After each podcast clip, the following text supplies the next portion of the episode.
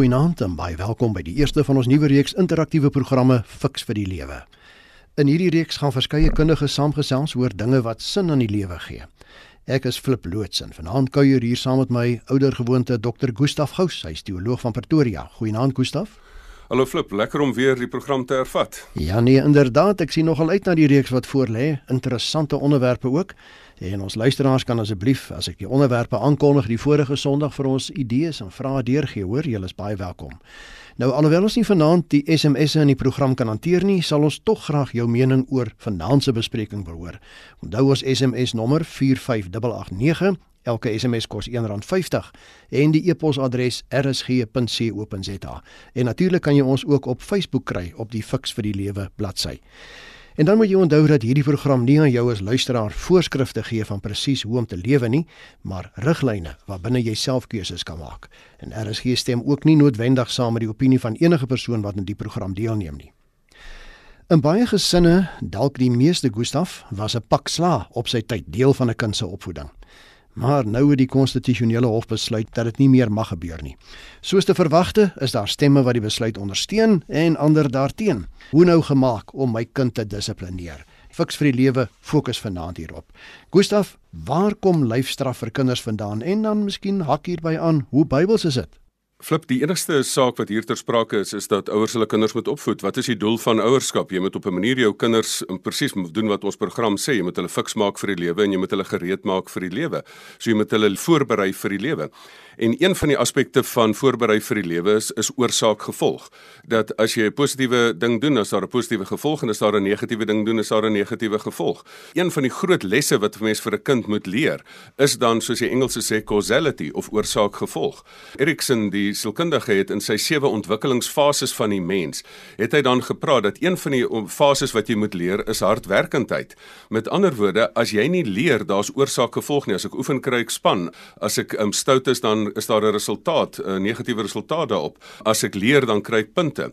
Dit is waar onder andere binne daai konteks van oorsaak-gevolg en om kinders gereed te kry vir die lewe, is dit van die belangrikste lesse wat geleer moet word. Net so interessant hoe jy dit beleef.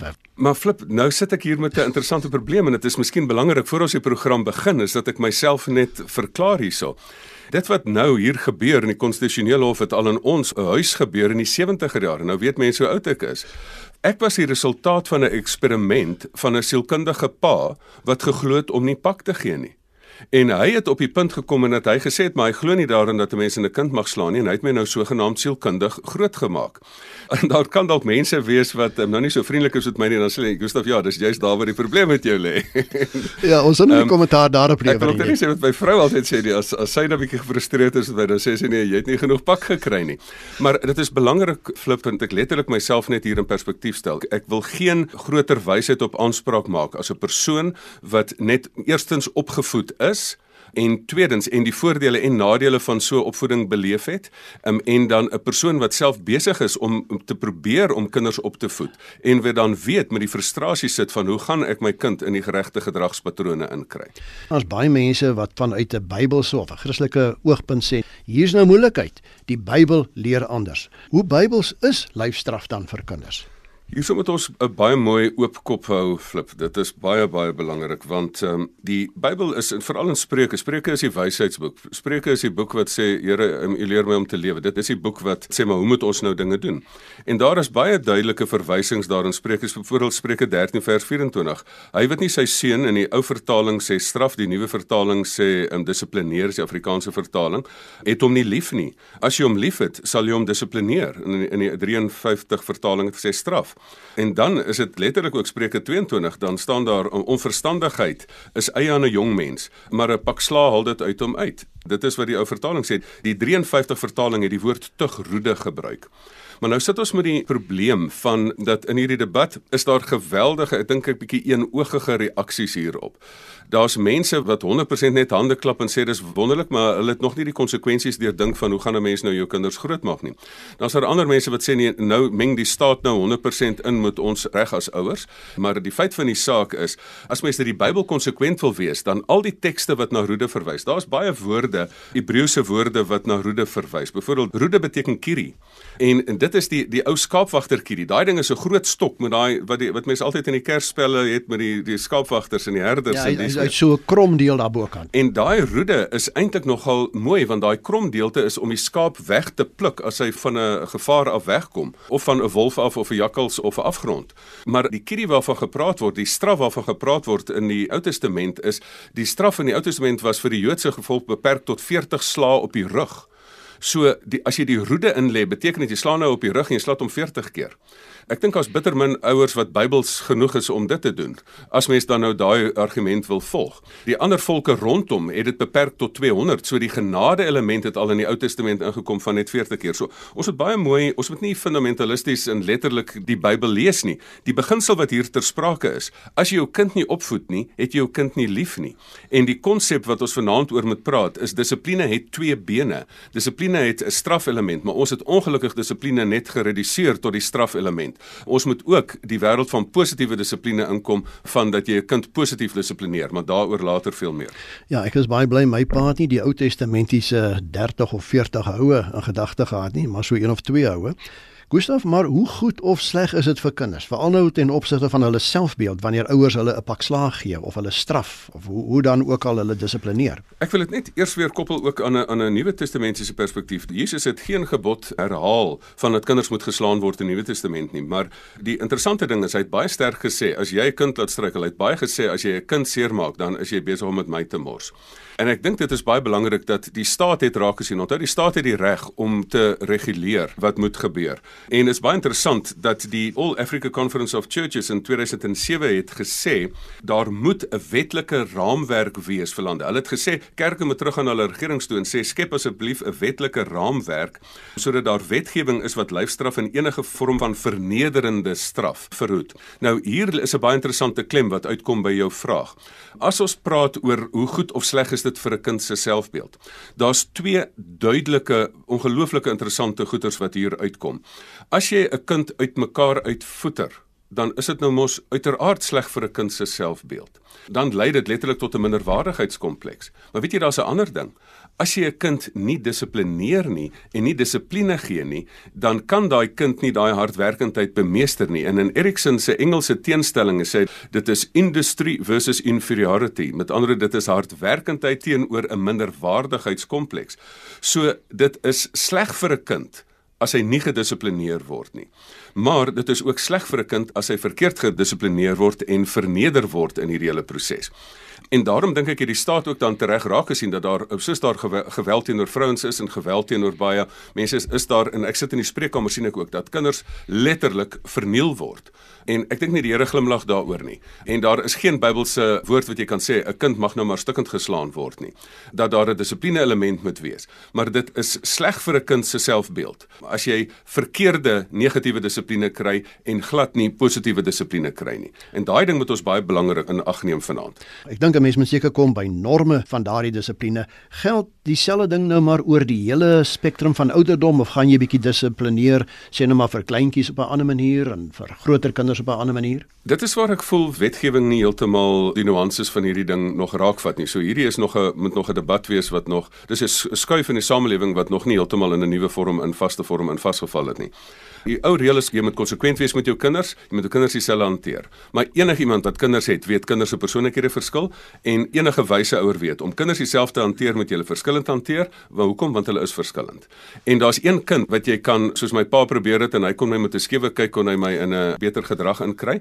Maar daar's ander kinders wat absoluut die grense toets wat jou in jou oë sit en uittart wat jou in die gesig kyk en sê, "Maar luister, die wet is hier teen ons. Kyk wat kan jy aan my doen? Ek gaan jou by die hof aangee." Daai ding is nog nie in ag geneem nie. Daar is ook kinders wat met 'n baie harder leiband, kom ons noem dit nou maar groot gemaak moet word. So daar's baie kinders wat op 'n woord sal reageer. Ander mense sal mes met ernstige harde intervensie moet jy daardie kind op die regte pad probeer kry. Daar's mos altyd 'n belhamel, dis waar die woord ook vandaan kom, skaap wat jy en daai arme skaapwagter sukkel met daai ene veel meer en daai skaapie moet anders hanteer word as jou ander skaapie wat jy net met 'n goeie kyk op die regte pad kan kry. Ek het die afgelope tyd Gustav van die koerante baie gelees van mense se reaksie oor hierdie hele saak van die konstitusionele hof se besluit. Hulle het nou wel besluit dis strafbaar om kinders pak te gee, maar Ouers kan dus aangekla word. Johan sê self jy kan nou 'n misdadiger word as jy jou kind 'n pak slaag gee, as jy 'n lyfstraf toepas. Maar is daar nie tog 'n streep te trek tussen mishandeling aan die een kant soos jy sê, jy slaan hom uitmekaar uit en dan miskien toelaatbare of kan ek maar sê ligte, onskadelike en beheerste lyfstraf nie, want ek lees daarvan ook in die briewe kolomme. En dit is waar die wetgewing nie 'n duidelikheid vir 'n mens gee nie, want die hele kwessie van erns moet jy 'n streep trek. In die ou tyd het hulle gesê 'n boer maak 'n wet. Dit was in die graffiti van die ou apartheidstyd het hulle dit gedoen. Nou in hierdie opsig moet jy weer 'n wet maak teen mishandeling. Maar daar is nog nie genoegsame aanduiding gegee wat is fisiese mishandeling nie, emosionele mishandeling is baie keer erger. Jy kan 'n paai wat jou glad nie slaan nie, maar hy kan jou emosioneel so mishandel of 'n ma of manipuleer dat dit grens omdat dit net so sulke harde mishandeling is. Persoonlik dink ek hier sal hierdie ding nog getoets moet word. Hier is 'n hele oop situasie wat die kerke, daar sal baie konferensies nog hieroor gehou moet word. Daar sal die staat en kerke sal fisies moet saam sit. Dis wat ek amptelik voorstel dat mense dit gaan sit. Daar gaan toetsake nog hieroor kom. En persoonlik dink ek daar is ook baie navorsing wat wys dat dit nodig is vir 'n kind op 'n jonger ouderdom om meer gedissiplineerd te word. Maar dat hier 'n moeilike saak is dat jy nou regstegnies vervolg kan word. Hier sit ons met 'n met 'n daadwerklike probleem, maar die toetsake is nog is, sal nog moet kom. Ons sal hieroor baie meer konferensies moet hou. Dit is RSG met die program Fix vir die Lewe en ons gesels vanaand oor lyfstraf is uit. Hoe nou gemaak met my kind se dissipline? My gas is Dr. Gustaf Gous en luisteraars kan gerus julle menings oor die onderwerp van vanaand deurgee deur middel van 'n SMS nommer 45889. Onthou net ons kan nie vanaand die SMS'e hanteer nie, maar ek sal baie graag die luisteraars reaksie wil kry en miskien volgende Sondag aand net daarna vinnig verwys. Elke SMS kos R1.50, maar jy kan ons ook per e-pos kontak by rsg.co.za of gesels saam op Facebook. Gustaf, jy het net so verwys daarna nou nou dat daar moet 'n streep getrek word, beheerster lyfstraf of dan nou nie. Maar hoe moontlik dink jy is dit wel? Nou wie sou dit kon monitor? Want ek meen die kerke kan nou oor gaan praat en die regering kan nou oor gaan praat, maar wie monitor dit?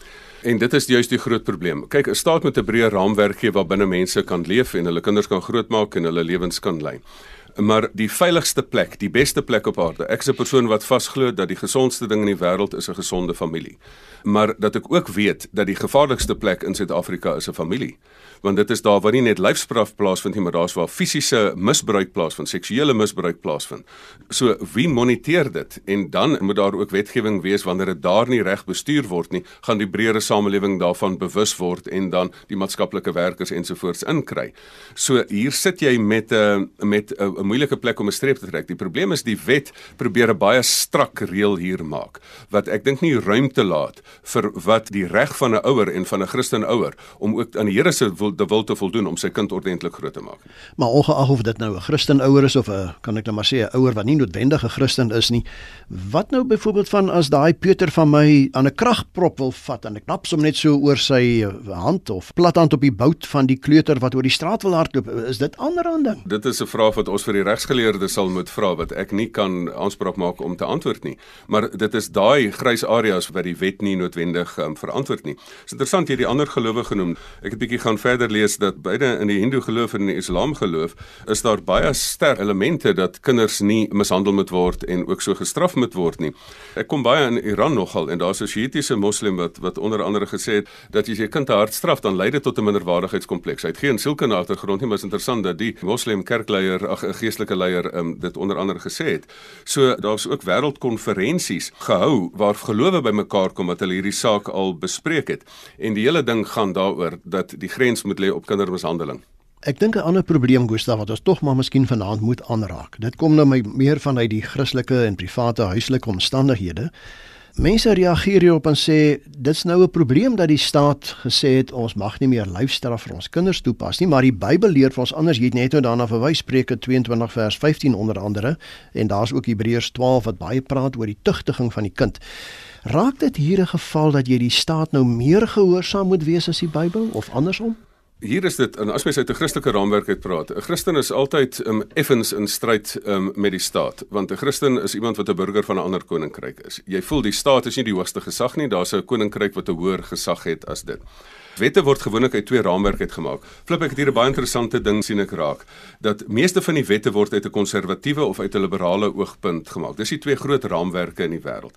Nou uit 'n vreeslike konservatiewe oogpunt is die apartheidswette gemaak. En daai tyd het die mense gekom sê moet ek nou die staat meer gehoorsaam wees. Daar is 'n geweldige klomp mense wat gesê het, maar my hoër loyaliteit lê by die koninkryk. So ek kan nie 'n staatswet wat 100% nie reg is nie, moet ek gehoorsaam nie. Ek moet eerder maar die gevolge vat en dan moet ek aan die Here meer gehoorsaam wees. So daar's geweldige teologiese stukke daaroor geskryf. Die ding wat ek ongelukkig raak sien is dat wette word vanuit een van hierdie konservatiewe of liberale raamwerke gemaak. En daai liberale of konservatiewe raamwerk is nie per se Christelik noodwendig nie. As ek van die kant af kyk, dan sien ek in 'n uit 'n konservatiewe raamwerk is daar mense wat pro lewe is, met ander woorde mag nie abortus doen nie, maar hulle is vir lyfstraf en gewere. En dan aan die ander kant is daar mense wat pro-abortus is. Jy kan voor 'n kind gebore is, kan jy met 'n skertjie ingaan en die kind uitmekaar uitsnipper maar na die tyd mag jy nie 'n um, kind lyfstraf gee nie. So hierdie liberale en konservatiewe denkraamwerke moet ons as samelewing moet ons begin erken as beperkte raamwerke wat hulle eie logiese teenstrydighede in sigself het en dat ons meer na 'n koninkryksperspektief hiertoe moet kom en regtig die sin agter die hele kwessie van dat jy jou kind moet opvoed daar moet stel en dat jy die doel het om jou kind dan ordentlik groot te maak vir die lewe, ordentlike selfbeeld te gee deurdat jy hom hard dissiplineer, maar ook op 'n reaktiewe en op 'n proaktiewe manier Jy het net nou gesê dat jou pa het van jou 'n proefneming gemaak, Gustaf, en uh, op ander maniere vir jou probeer dissiplineer. Kom ons praat 'n bietjie prakties hieroor. Watter alternatiewe van straf vir kinders is daar en hoe effektief dink jy is dit? Flip, ek het ongelooflike begrip vir ouers vandag en vir onderwysers vandag wat dan met hierdie situasie sit. Want dit is nie net ouers nie van hoe kan jy iemand wat jou in die gesig tart nou hanteer en dit is dat mense dat kinders ook daai wette kan misbruik. Nou die die hele wêreld van positiewe dissipline het gelukkig na vore gekom. En ons het van dissipline 'n negatiewe woord gemaak. Ons het van dissipline 'n woord gemaak van straf. Dissipline is eintlik in my definisie selfliefde. Dissipline is om eintlik te sê, luister, ek wil gewig verloor in daai pizza hier voor my. Ek het myself te lief om hierdie pizza te eet, want ek het myself lief en ek wil eintlik 'n positiewe uitkoms hieruit hê.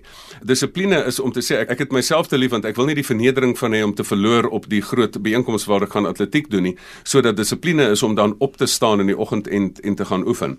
So die die ander positiewe maniere van dissipline is natuurlik verbale gesels, is natuurlik bonus, maar dit is dan dit kan baie keer grens aan manipulasie. Nou baie keer het ek nou met my kinders dan probeer ek ook nou so so min as moontlik tot dusver om hulle pak te gee, maar dan nou is ek in die moeilikheid. Maar feit van die saak is dis dogters en ek self voel, ek voel as ek aan iemand anders slaan, voel ek nie lekker nie. Dit is nie vir my goed nie. Maar nou probeer ek vir hulle sê nou ek gaan nou daai reg van jou wegneem en ek gaan nou daai tablet van jou wegneem. Dan het ek my kinders ook geleer oor manipulasie. Ons praat altyd in ons huis van die mannetjie van die plaasie. Ons mag nie manipuleer nie. Dan sê hulle maar pappa, dis mos manipulasie. Dan sê ek ja my kind dit is. Ek wil jou iets leer hier uit. Nou weer eens, daar is negatiewe dissipline waar jy mense van ander goeders kan weerhou en in geld en goedere, maar daar's jou liefdevolle ouer hart heeltyd in stryd met jouself. Maar positiewe dissipline is baie keer bonusse. Positiewe dissipline is om die groot prentjie te kry. Die belangrikste ding van positiewe dissipline is om wat jy ook al te doen, negatief of positief dissiplineer dit in die konteks van 'n verhouding te doen. Dat as jy dan iets doen, interpreteer jy dit. En as jy dan vir 'n persoon sê maar luister, hier is vir jou bonus of ek gaan vir jou dit sê of kom ek wys jou die resultaat resultate of kom ek wys vir die uiteinde van die pad waarna toe lei hierdie gedrag, dan is dit baie keer meer positiewe dissipline. En die belangrikste ding van positiewe dissipline is vang mense dinge reg doen.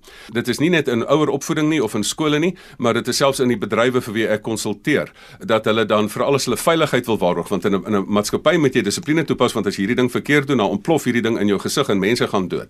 Maar dat hulle nie net mense wil straf nie, maar dat al die konsultante wêreldwyd in maatskappye in reis en vir hulle sê maar maar stap en vang 'n persoon iets reg doen, komplementeer dit, bou die persoon se selfbeeld op wat hy reg doen. Want dit is die grootste geskenk wat 'n wat 'n ouer vir 'n kind kan gee. 'n gesonde selfbeeld wat 'n vertroue dat ek die dinge kan hanteer. Ja, nou is die probleem Gustaf, wat maak 'n mens byvoorbeeld as uh, die lyfstraf nou nie meer toegepas mag word nie, maar die woorde ook nie meer werk nie. Ek dink hier aan 'n voorstander van lyfstraf, Robert Lazarelin. Hy's 'n professor in ouerskap by Oklahoma Staatsuniversiteit en hy het gesê, "Na sy navorsing het hy ondervind dat ander sagter forme van dissipline is deur ouers probeer toepas en toe werk dit nie. Wat maak jy dan nou?" En sy navorsing wys dat 'n hou of 2 op die agtersteewe gewoonlik goeie resultate lewer met kinders van so tussen 2 en 6 jaar. Dit is nogal 'n punt, né? Nee, wat gemaak as kwaai woorde nie genoeg is nie. nou 'n 'n pa en 'n ma verskil ook baie keer. My ma het my daarom so een of twee kloppe op die agtersteewe gegee en en in die eerste geval is dit 'n bietjie vir my gewerk. Maar feit van die saak is hier gaan dit ver van die debat af van die roede wat dan met 'n stok mense slaan en dis meer. Hier moet jy die ding probeer opvoedkundig motiveer. En nou voorstanders en teenstanders, net soos in die Bybel elke ketter sy letter het, is daar net soveel navorsing na die een kant toe of na die ander kant toe. So afhangende van jou standpunt, dan gaan kies mens nou die navorsing wat jou standpunt ondersteun.